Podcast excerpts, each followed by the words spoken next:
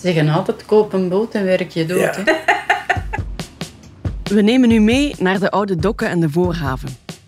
Als je al een paar jaar niet in Gent geweest bent, zult je daar nu uw ogen uitkijken. Op die lange strook langs de kaaien, van de Dampoort tot aan Meulenstedenbrug, verrijzen nieuwe appartementen, nieuwe bruggen, nieuwe lofts, nieuwe parken. Er is al veel veranderd en het is nog volop bezig. Ja, Gent is weer een beetje groter aan het worden. Maar hoe kijken Danciaans naar de stadsvernieuwing?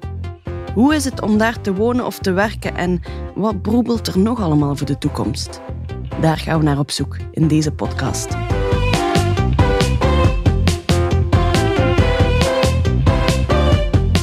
Als er één groep is die er met de neus op zit, op al die vernieuwing, dan zijn het wel de bootbewoners. Zij hebben het allemaal meegemaakt van op het water. Onze vragen zijn een ideaal excuus om eens aan al die stuurhutten aan te kloppen. Dit is aflevering 1. Een dorp op het water.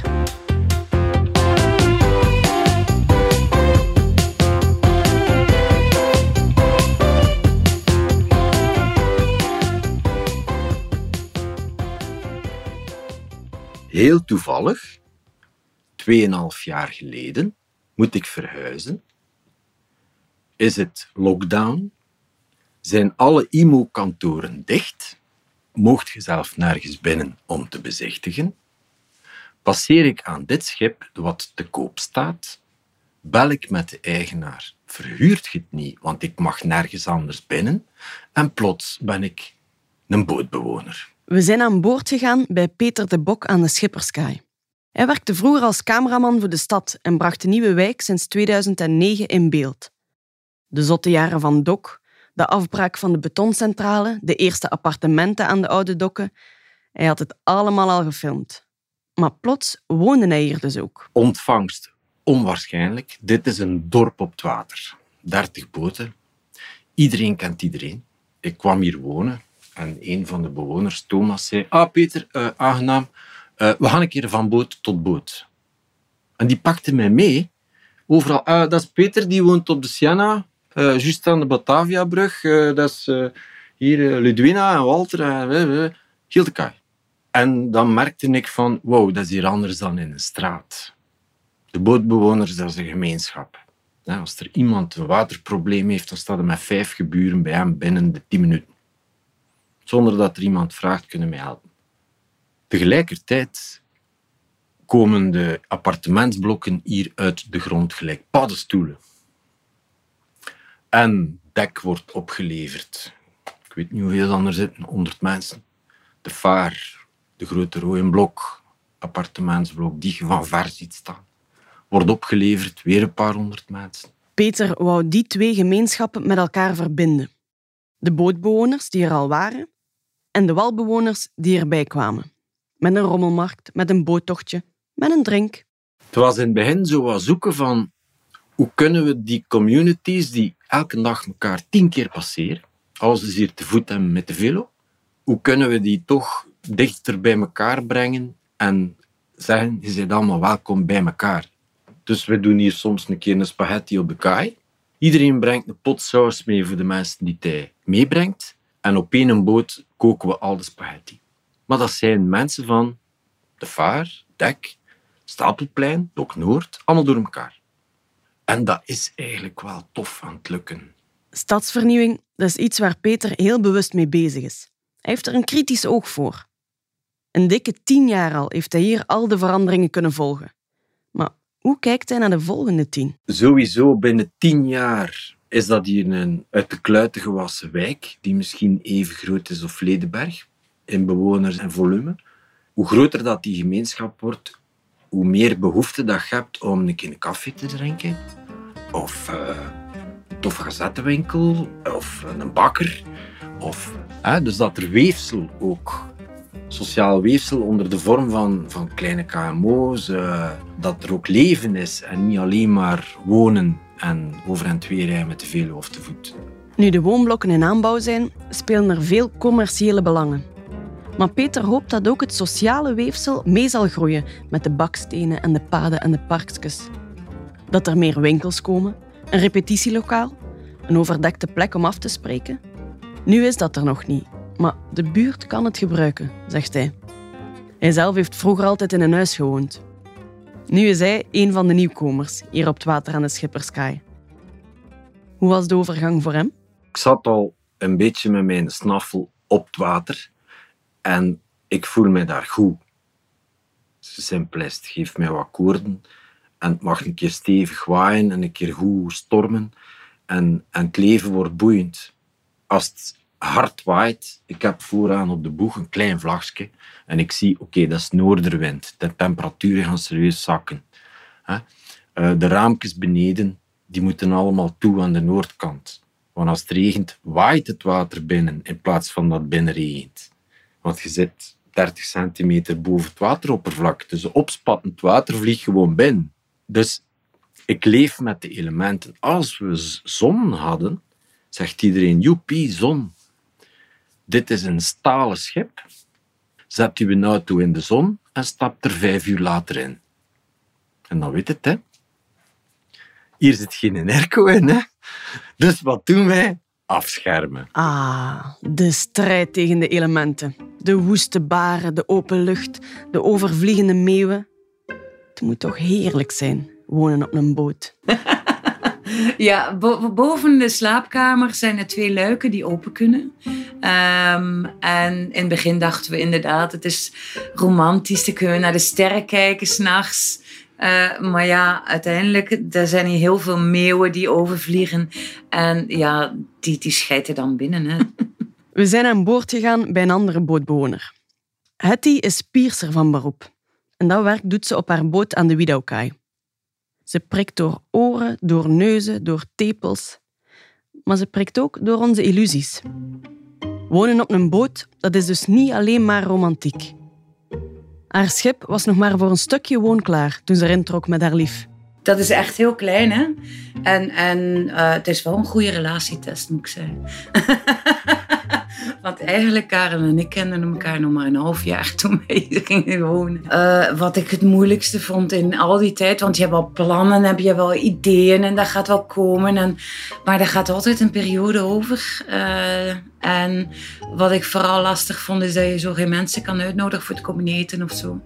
Want het is klein, hè. In het begin moesten ze toen met elektrische kacheltjes, dekentjes of plastiek voor de ramen. Een vloerkleed voor een beetje extra warmte. Geen elektriciteit, geen water. We gaan ons plan wel trekken. Allee ja, met dit uitzicht. Ja, we zien het wel. En we hebben het volgehouden. En ik ben blij dat we dat gedaan hebben. Want ja, er zijn ook heel veel mensen die, die als koppel bijvoorbeeld een, een schip kopen. En, en binnen drie of vijf jaar zijn die op elkaar. En, en dat is miserie. Dat heb je ook met huizen natuurlijk. Hè? Maar uh, het is een lange weg geweest, laat ik het zo zeggen. Intussen zijn de verbouwingen voorbij. Haar boot is niet alleen haar huis, maar ook haar praktijk. Een volwaardig piercingsalon, waar enkel de patrijspoortjes verraden dat je op het water zit. Hoe reageren haar klanten daarop? Ik ben de enige die op zondag open is. Dus soms gaan ze naar via Google, uh, piercings op zondag, en dan komen ze bij mij terecht, telefoonnummer of, of afspraak maken. Uh, en dan beseffen ze eigenlijk niet dat het op schip is. Oh, het is op een schip. Maar de meesten weten het wel hoor, dat ik hier op schip zit. En die komen juist daarvoor, komen ze naar hier. Omdat het speciaal is. Omdat het een unieke ervaring is. Ze denken van, oh, dat gaat beweren. Ja, dat is de eerste opmerking die wij krijgen meestal. Van, oh, dat ligt nog redelijk stil hier. En dan moet ik altijd uitleggen, ja, maar we zijn een platbodem. En een zeilschip heeft een kiel en dan wiebel je. Maar bij een platbodem lig je redelijk stil. Ik voel het ook niet meer. Sommige mensen voelen het wel. Als ze hier aan boord komen, dat ze zo een beetje onstabiel staan. Maar het is bijna niets. Hè. Lap. Nog een romantisch idee dat we overboord mogen gooien. Die woonboten liggen dus gewoon stil op het water. Ah, en nog eentje. Niemand gaat er nog mee varen, hè? Enfin, bijna niemand. Met wie moet je nog gaan babbelen? Zo Kenneth en Saskia zijn ook heel interessante mensen. Zij hebben een schip ingekort om daar echt mee te kunnen varen. Zij is meestal, doet ze de touw, is de matroos en hij vaart. En die gaan iedere zomer, of bijna iedere zomer, met hun schip twee maanden weg. Of naar Frankrijk of België rond. Kenneth en Saskia, zij zijn dus de uitzondering. Bootbewoners die zelf nog varen, zonder aansluiting op water of elektriciteit aan de wal. Helemaal off the grid. We stappen binnen in hun schip, ook aan de Wiedaukai, en voelen een andere sfeer. Hun vloer heeft krakende planken. Het ligt gezellig overhoop.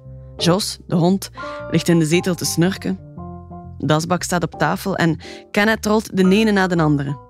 Hier hopen we toch een brokske romantiek terug te vinden. Laten we beginnen met een favoriete rivier, de Dender. En ik geef boven, boven Gerardsbergen is dat, wordt dat heel bochtig en is het eigenlijk het echt mooi in de velden. En dat- dus effectief, je kunt er niet snel varen, 1 à 2 km per uur maximum, omdat je doet het niet anders aan draaien. Je krijgt zo blind op mijn handen van het stuurwiel te draaien. Echt fantastisch Ja, het is mooi, het is echt En mooi. Dat zijn stukken die je niet ziet als je daar ja, rijden. Ja, de mensen Zo. weten eigenlijk niet, maar een dender is echt mooi. Soms is dat echt, dat- zijn jij alleen en de natuur is dat het paradijs bijna. Ja, het is Zo, mooi, de mist die optrekt, zo, zo dat kan zo mooi zijn. Ja. En eh, de dender is echt vrij leuk om te doen. Met goede getijden zitten gewoon een uur of twee, drie laat zitten in, in Dendermonde. Op het gemak en dan zit dan je vakantie begint direct. Ja. Dan is het een keer voorbij Aalst. hè. Aalst is maar Ik zo vind eh, het moment dat je touwloos zit, Ja, dan zit al vertrokken. al, zijn dan op vakantie. Het schip wordt ook iets anders. Hè. Dus een keer uit aan het varen Dat is zit, is dat geen woonschip meer, dat is dat een tool, hè. dat is dat een werk, werktuig. Je moet dat starten, je moet het onderhoud en dan moet je... Ja, we zitten er heel tijd mee bezig. Dus eigenlijk op reis gaan is een soort van expeditie. Hè. Ja, ja, ja. Het is, het act- een actieve reis. Hè. Je moet soms ook vroeg opstaan, want varen doe je in de voormiddag. Het is niet dat je uitslaapt en ten tweede een keer gaat Nee, vertrekken. Kenneth is zelfstandig en Saskia werkt in het onderwijs. Dus van zodra de zomer begint, zijn ze weg naar het zuiden. Er is maar één probleemke. Zo'n boot van 38 meter lang, dat vaart niet zo gemakkelijk over bochtige wateren. En die lange spitsen passen ook niet in alle sluizen. Zeker niet in het zuiden van Frankrijk. De oplossing? We hebben hem ingekort ook, we hebben hem kleiner gemaakt om ermee te kunnen varen ook. Hè. Dat is, eh, dus we hebben dat schip gekocht op 38 en een beetje een meter. We hebben er 10 meter van tussen gehaald. zodat we hebben nu een schip van klein 30 meter. Hm, dat moeten ze ons nu toch een keer uitleggen. Hoe doe je dat, een schip inkorten? We, we waren al eigenlijk al lang van plan, omdat we dachten ook, het schip is te groot voor ons. Het is bijna niet te onderhouden en dus we zouden dat niet zitten. En dan hebben we besloten om in te kort zeker. Dus na een paar jaar discussie, want uiteindelijk is het vrij absurd dat je zou betalen om er een stuk van test te nemen en het spel weer aan elkaar te lasten. We hebben dan zo'n keer een foto gemaakt en gefotoshopt en dan zagen we het schip eh, korter. En dan, dan zagen we eigenlijk al volledig zitten. Het schip werd er eigenlijk schoner op. Ja. En En dat is de eh, beste beslissing geweest hoor. Anders hadden we nooit gevaren. Niet alle bootbewoners weten nog veel over techniek of het maritieme verleden. Maar Kenneth en Saskia, die kennen nog het verschil tussen een spits, een kempenaar, een tjalkske, een Ik duizendtonner. kan zo'n schip van net een kilometer ver kan ik Ah het ja, schip ik ken het, herkennen. is dat fantastisch. Ah, dat is dat schip. Omdat je om Dat duur kan ik de kleuren, kleurencombinaties, ook de families. eh, Als ze spreken over de andere bewoners, dan noemen ze niet hun naam, maar de naam van de boot. Ga ik je langs bij de Sienna, zeggen ze, in plaats van bij Peter. Ga eens naar de Flor, in plaats van naar Ferdinand. De naam van de boot die is echt van belang. En je moogt hem ook niet zomaar veranderen. Het schip is wel, het zit wel in ons hart. Ja, het is echt wel ons schip. En eh, we, hebben er, we hebben het bijna gered van van de de sloop. zeg maar. Het was eh, niet veel, niet meer goed. Hè. We hebben het dan ook terug de naam gegeven die het oorspronkelijk had. Want we hebben het gekocht als Jorgo. Dat was gewoon de, de naam van de zoon van de eigenaar op dat moment. Maar als we het ingekort hebben, je mocht dat alleen maar doen, een nieuwe naam geven als je grote werken doet, bijgeloof. Hebben we gezocht naar de, ja, de eerste eigenaars. En ja, die leeft niet meer, maar zijn dochter wel nog. Of zijn, zijn twee dochters en zijn zoon. En hebben gevraagd of we terug de naam mochten geven. En eh, dat is Saida. Dat is een hele mooie naam, vind ik. Dat betekent geluk in het Arabisch. Ook in die tijd in Molenbeek, ja, dat, dat was helemaal niet zo courant. Dus een schip dat in eh, Molenbeek wordt ingeschreven en dat dan nog een Arabische naam heeft. Heel gek eigenlijk. Ja, overal wat overkomen. Veel eh, Marokkaanse mensen vragen, maar waarom zei je dat? Saida, En dan ja. denk ik, oh, dan leg je dat uit. eh, uiteindelijk. Dus zij, zij, zij zien het, hè, zij, zij herkennen het eh, heel goed. hè. Ik ben heel blij met ons schip. Heel, eh, allee, het heeft ons heel veel gegeven ook. Kenneth en Saskia zijn een buitenbeentje. Ze leven zonder aansluiting op water en elektriciteit van de wal. Maar dat hebben de meeste anderen ondertussen wel. Zij nuanceren een beetje het verhaal van dat ene dorp op het water. Want niet alle bootbewoners hebben hetzelfde profiel. Maar voor andere mensen, de nieuwe dokken dan bijvoorbeeld, ja, dat is eerder een loft op het water. Dus je hebt hele andere belangen. eh, en het lukt Ja, niet dus- om dat te verzoenen of om dat door ene VZ2... Ja, en iedereen zijn portemonnee niet gaat, natuurlijk. Bij die daar, Ah, ja. de, Ja, de- luxe, chique lofts, hè, die schepen soms. En ja, dat is, eh, dat is oorcategorie voor veel, voor, voor ons ook, als het ware. We kunnen dat niet aan, financieel. eh. de meeste mensen zijn altijd wel interessante mensen. De mensen, eh, het zijn allemaal kwieten. Het zijn allemaal kwieten. Er is overal wel een hoek af uiteindelijk. En dus, maar het zit van alles tussen. Dus, het is gewoon heel uitgebreid. hè, Van de hoogste verdieners, de hoogst opgeleiden, tot ja, de grootste piraten uiteindelijk zitten er ook nog. Hè. Dus, eh, Aha, de kwieten en piraten. Die willen we leren kennen. Met wie moeten we nog eens gaan spreken? ik zou zeggen, spring met zoveel mogelijk mensen binnen die van de wijk. Want ze, Ja, ik iedereen- denk zo Geert en Rita, dat Geert zijn oude schippers die die, zijn ook wel, dan eh, na hun pensioen dat schip verbouwd hebben en ook wel varen met dat schip me ook nog wel die ook de wijken gekend hebben destijds, maar dat is dan misschien eh, als die nog vol bak bloeide, om de schippers. Hè. Dus die eh, de, de kroegentochten hier gedaan hebben als jonge schippers en zo. Veel talent. Dat was een en al Goeie- café, schipperscafé. Die heel de goede tijd hebben gekend. hè. Ja. Très bien. We stappen dus maar eens over de loopbrug van de buren. Ook daar zijn we onmiddellijk welkom.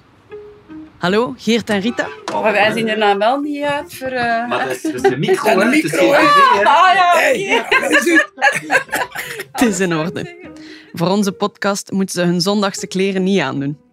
Opnieuw krijgen we een ander verhaal. Geert en Rita zijn schippers op rust.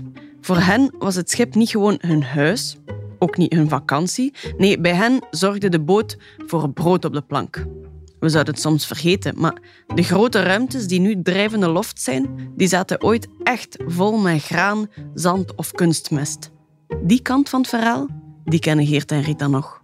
Eh, ik ben begonnen.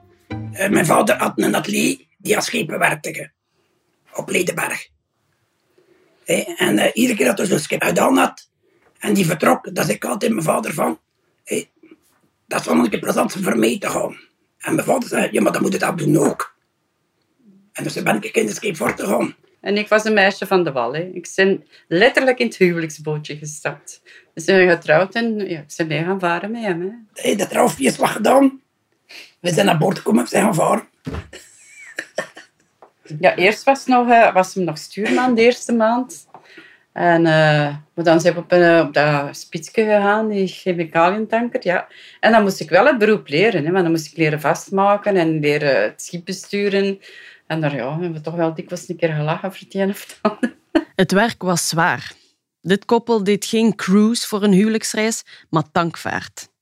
Eerst benzine voor Texaco en Fina in Gent, dan zware stookolie voor de koperfabriek in Mol en de staalfabrieken in Wallonië. Dat was echt en- niet slapen. Hè. Dat was echt dag en nacht varen. Ja, had je, had je wetten nog, hé. Nou, de rand is dat allemaal veranderd. Je had het vaartijdenboek en al. Maar in die tijd hadden wij dat bestond niet. En dat was 24 24 uur. Dan moest jij stand-by zijn. Dat, dat had mijn vader. Dat was terwijl we aan het lossen waren. Even rap op de zetel, een dutje doen. En dan zo, ja, dat was, dat was hard, hè. Dat hebben we ook Ja. maar een jaar gedaan. Ja. Ja. Maar als je tweeën ook, hè. De uren waren hard en het werk was ook niet zonder gevaar. Geert en Rita woonden altijd vlak bij hun vracht, dag en nacht. En het was niet altijd proper spul dat ze vervoerden. Hetgeen dat ik mij afvraag soms, eh, die chemicaliën, dat was styrene. En daar hebben we een keer een jaar of zo terug op televisie, zei ze, het uiterst kankverwekkende styrene. En wij zaten beneden in die tangen zonder bescherming, zonder maskers. Wij moesten die altijd uitkuisen na iedere lading. Moesten die helemaal droog gemaakt worden. En er heeft ons nooit iemand niet gezegd dat dat zo de, gevaarlijk de was. liep hè. langs de, de van het product. En de trouw langs de vloer mocht geen, geen maskers, niks. Hè. Je komt geen Dus, eh, dat hebben we twee jaar en een En half gedaan. en eh, ja. en daarna ook hier eh, op de vrachtvaart, kunstmest en al. Die je moet uitkuisen uit je ruim. Dat bloed uit je neus loopt. Het schipperskoppel heeft zoveel zien veranderen.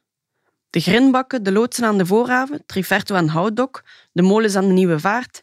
Ze hebben daar allemaal nog geladen en gelost. En geleidelijk aan worden dat plaatsen om te wonen, niet om te werken. Hoe kijken zij daarnaar? Ik kijk er niet slecht naar, naar zoiets. Hey, eh, bijvoorbeeld, ze, ze hebben toch een, een doel.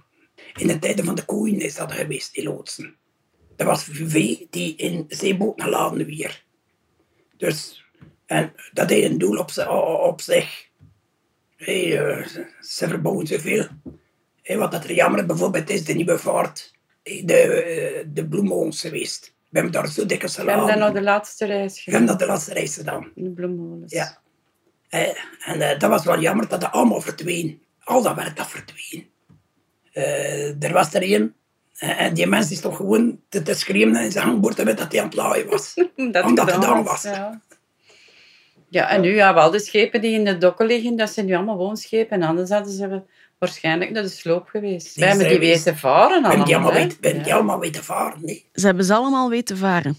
Ook de woonboten aan de oude dokken. En als ervaren schippers kijken zij ook altijd eens goed naar de buitenkant. Dat zullen zien wel in de oude dokken. De die die onderhoud doen en de die niet, denk ik. Als je dat goed bekijkt. Ja, dat, is, eh, dat, is, dat komt steeds terug. Er zijn wel veel mensen van, eh, die, die van de wal komen, die met zo'n schip begonnen zijn. Ze, beseffen het niet. Ze zeggen altijd, koop een boot en werk je dood. Ja, hè. maar ze, ze beseffen het wel. In het begin is dat proper. Maar ze beseffen niet dus dat ze moeten blijven onderhouden. Voor de nieuwe bewoners hebben ze nog een levensbelangrijke tip. Voor als ze hun dekens moeten schuren. Nooit En nooit gelaten. gelaarzen aan.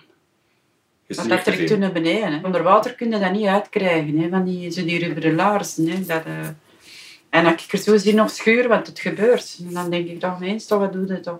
Man, had er geen zwemvest dan niet en gaat overboord verdrinkt. Sowieso met laarzen verdrinkt. Ja, en wij nog goed kunnen zwemmen, die trekken niet onder.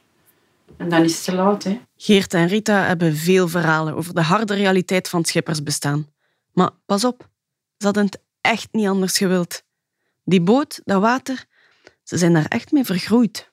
Ah, s morgens opzatjes dat wij doen. Ons gordijntjes omhoog gaan kijken. Ja, een keer naar buiten, de vogeltjes, eh, het water passeert er iets. Het altijd zo, eh, toch nog andere beelden dan iemand die natuurlijk in een rijhuis woont. Hè. Allee, ik kan me niet voorstellen, dan doe je je blaftuur omhoog en dan... Oké, ja, je kijkt naar je buur aan de overkant en dat is het. Hè. Hun buren aan de overkant, aan de loodsen van de voorhavenkaai, dat zijn Willy en Ferdinand. Ook zij zijn oude schippers. De boot van Willy lijkt wel een museum. Oude vlaggetjes, miniatuurankertjes, een boot in een fles, wijze spreuken aan de muur, zoals wie sturen kan, zeilt bij elke wind. Net als Geert en Rita spreken Willy en Ferdinand niet met een Gentse tongval. Schippers, die waren altijd onderweg. Als ze tijdelijk ergens aanmeerden, dan was dat nooit lang genoeg om daar het dialect over te nemen. Je merkt het bij alle echte schippers. Zij zijn en blijven van elders. Ze spreken niet de taal van de wal.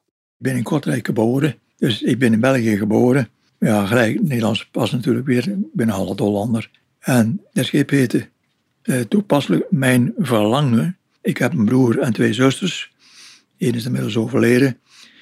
Maar die zijn allemaal op die Mijn Verlangen geboren. Ik ook gewoon op boord. Ik ben in Kortrijk geboren. Mijn broer Theo is in Bendorf geboren. Dat is kilometer 600 een Koblenz. Ons Truus die is in Antwerpen geboren. En Corrie is in Brugge geboren. Dus waar je lag, dan kwam baby tevoorschijn. En Willy zijn buurman, Ferdinand, die is ook op een boot geboren. Ik woog maar een kilo. En ik had normaal in de couveuse gemoeten. Maar dat was in 1962 in de maand juli. Dat was zo warm dat de broedvrouw gezegd heeft: laat die maar aan boord. Het is hier warm genoeg. Naar school gaan, dat was niet evident voor schipperskinderen. Hun ouders waren altijd onderweg, dus dan stond je voor de keuze. Meevaren en zoveel mogelijk zelf leren, of naar het internaat op de schipperschool, of een beetje van de twee. Ik ben leergierig. Ik leer alles wat ik kan lezen, dan lees ik en ik steek telkens iets op. Ik heb nooit eigenlijk, ik zeg, ik heb nooit, nooit geen school gezien. In, in, in, in de oorlogstijd, we gaan naar schipperschool hè, om het ABC te leren en zo. Toen kon ik al schrijven en ik kon al lezen. Dan was ik al een hele held, ja. En de rest heb ik aan mezelf geleerd, ja. Ferdinand ging wel naar de schipperschool. Maar omdat zijn grootouders in dezelfde straat woonden, moest hij niet op internaat bij de nonnekes. Hij was vooral content dat hij daar niet moest eten. Er kwamen nooit geen patatten boven water, er kwamen nooit geen frieten boven water, nooit geen kroketten. Het was altijd rijst, macaroni, eh, noem maar op wat die mensen eten. En brood. En soep, zoveel dat je wilt. Geloof dat ze zo het kanaal schepten, want er verstopte niet van, het, van de soep. En dan ben ik eh, in 78 naar dat school gegaan, in 78 jaar, tot mijn 14 jaar. En dan vroegen ze aan mij of ik wil verder studeren of mee aan boord komen. Ja, deze stomme ezel is gezegd ik kom aan boord.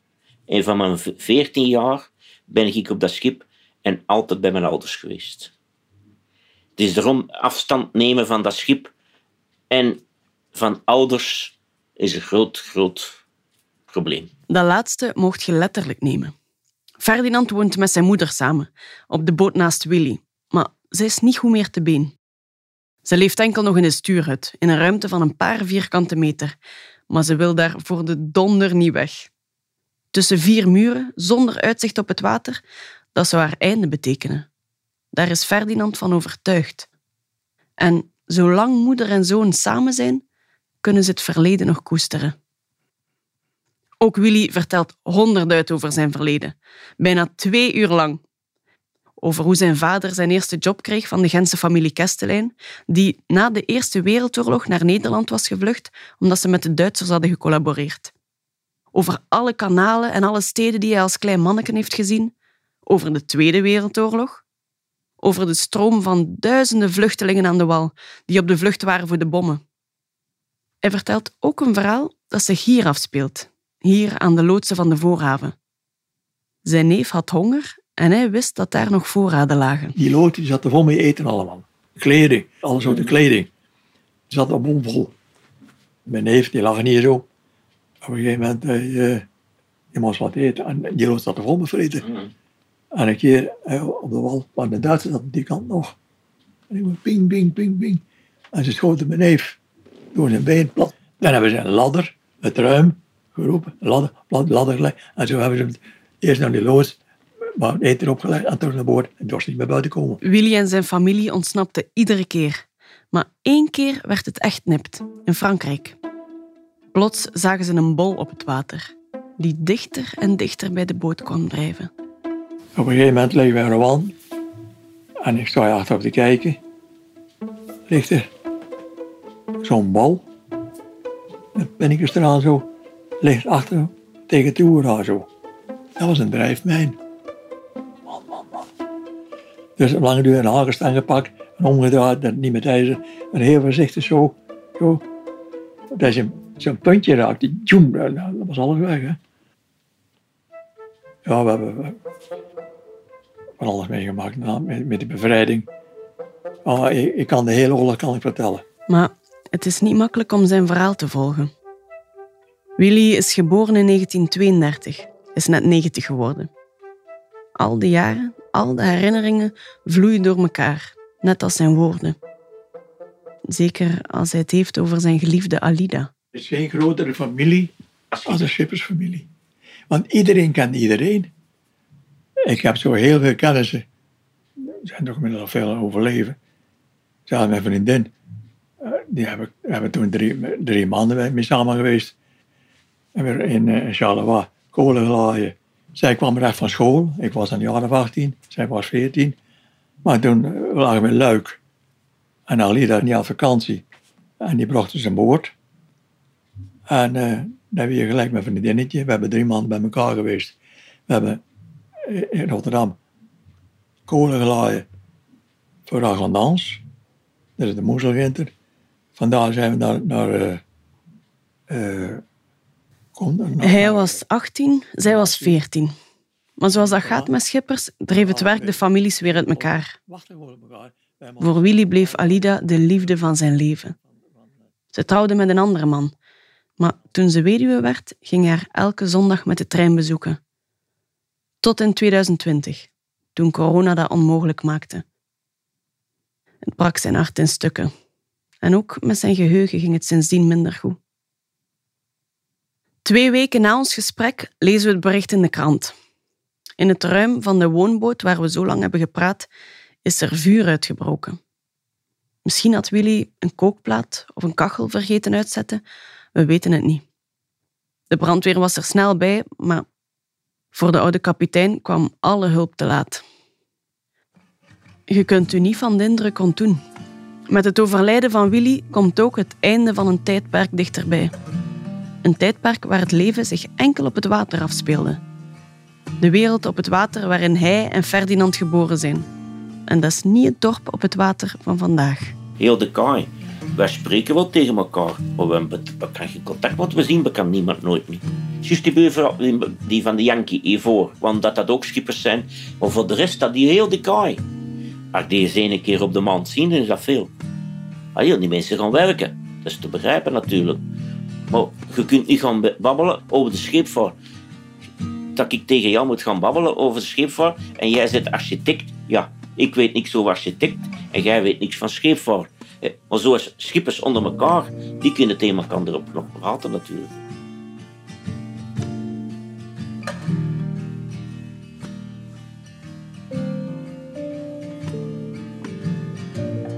De nieuwe bootbewoners die leven zowel op het water als op het land. Hoe kan het ook anders? Ze werken aan wal, hun kinderen gaan naar school aan wal. De kaaien zijn vandaag geen grens meer tussen het schip en de stad. En de stad voorbij die strookasseien, die groeit. En die groeit. Toch blijft het water aanwezig. En zelfs de nieuwe bewoners voelen dat de oude dokken en de voorhaven geen wijken zijn zoals de andere. We gaan nog eens aan boord bij Peter, op de Siena aan de Bataviabrug. Het is een, een, een, moet het? Het is een gunst om dit proces te mogen meemaken. Want dat is hier du jamais vu. Dit hier, dat is een Hans nieuwe wijk, hè, die er op een paar jaar gaat staan. Hè. En daar in het midden zitten, dat vind ik een voorrecht.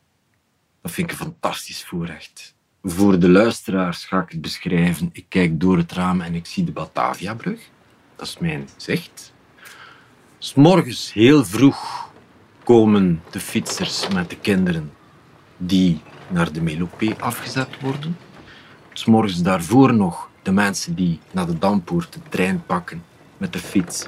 Die komen hier ook over die brug. Dus dat zijn werknemers. Dan komen de ouders met kinderen. Dan krijg je wat bewoners, de gepensioneerden van de vaar die hun boodschappen gaan doen in de, lijst. Die stappen dan later over de brug in de loop van de voormiddag. S middags heb je weer wat trafiek van bewoners. Dan hebben de mensen die werken aan de overkant en die hier op de kaai een broodje komen eten. Ik kan zo doorgaan tot 10 uur, 11 uur s'avonds. En, want het leuke, vanaf 8, 9 uur komen de Turkse families over de brug. Die vanuit de Sleepstraat met drie mannen. Daarachter drie vrouwen met poussetten, kindjes op de velo. De kleine mannetjes die met hun fietsjes al voorop rijden. Al wandelend en pratend met elkaar ook de brug over. Voilà. Dat is de discrepantie in profiel van mensen dat hier op een zakdoek zit. Maar die op een of andere reden gewoon door elkaar wandelen. Dit was een podcast van de stad Gent, met financiële steun van de Europese Unie en de Vlaamse overheid. Productie door Nicolas Marichal en Pieter de Wulf, met de stem van Gita Parmentier. Alle muziek vind je in de show notes. Zijt je gebeten door de verhalen over de oude dokken en de voorhaven? Blijf dan zitten voor de andere afleveringen. Of ga zelf eens het erfgoed besnuffelen in de nieuwe wijken langs het water. Het Industriemuseum heeft er een gratis plannetje van gemaakt.